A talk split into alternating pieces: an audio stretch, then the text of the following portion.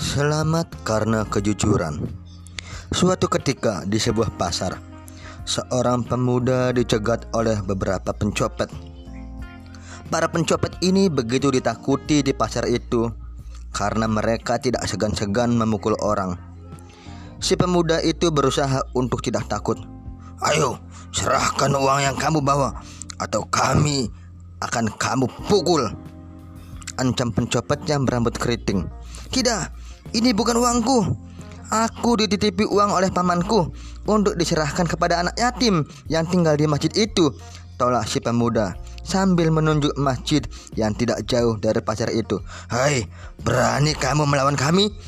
Pencopet berwajah hitam naik pitam. Tanpa pikir panjang lagi, pemuda itu langsung lari secepat yang ia bisa. Para pencopet segera mengejarnya.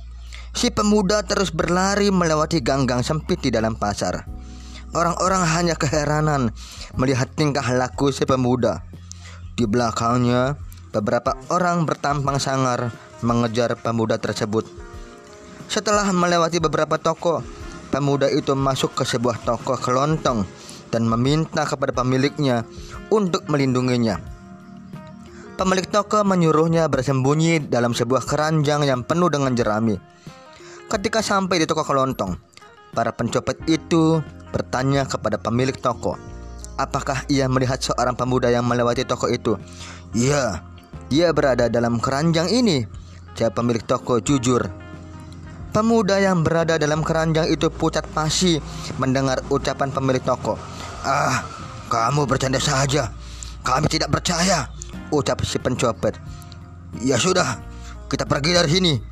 Tidak mungkin anak muda itu bersembunyi di sini, kata pencopet lainnya yang sudah memeriksa setiap ruangan di toko itu. Para pencopet itu akhirnya pergi dari toko tersebut. Mengapa Bapak menunjukkan tempat persembunyianku? Hampir saja aku ketahuan dan uang ini pasti akan mereka ambil, kata si pemuda. Aku tidak biasa berbohong, Nak. Karena kejujuran itu Allah telah menyelamatkanmu. Nah, adik-adik, itulah gunanya kita memiliki sifat yang jujur. Karena insya Allah orang yang memiliki sifat jujur pasti akan ditolong oleh Allah Subhanahu wa taala. Terima kasih.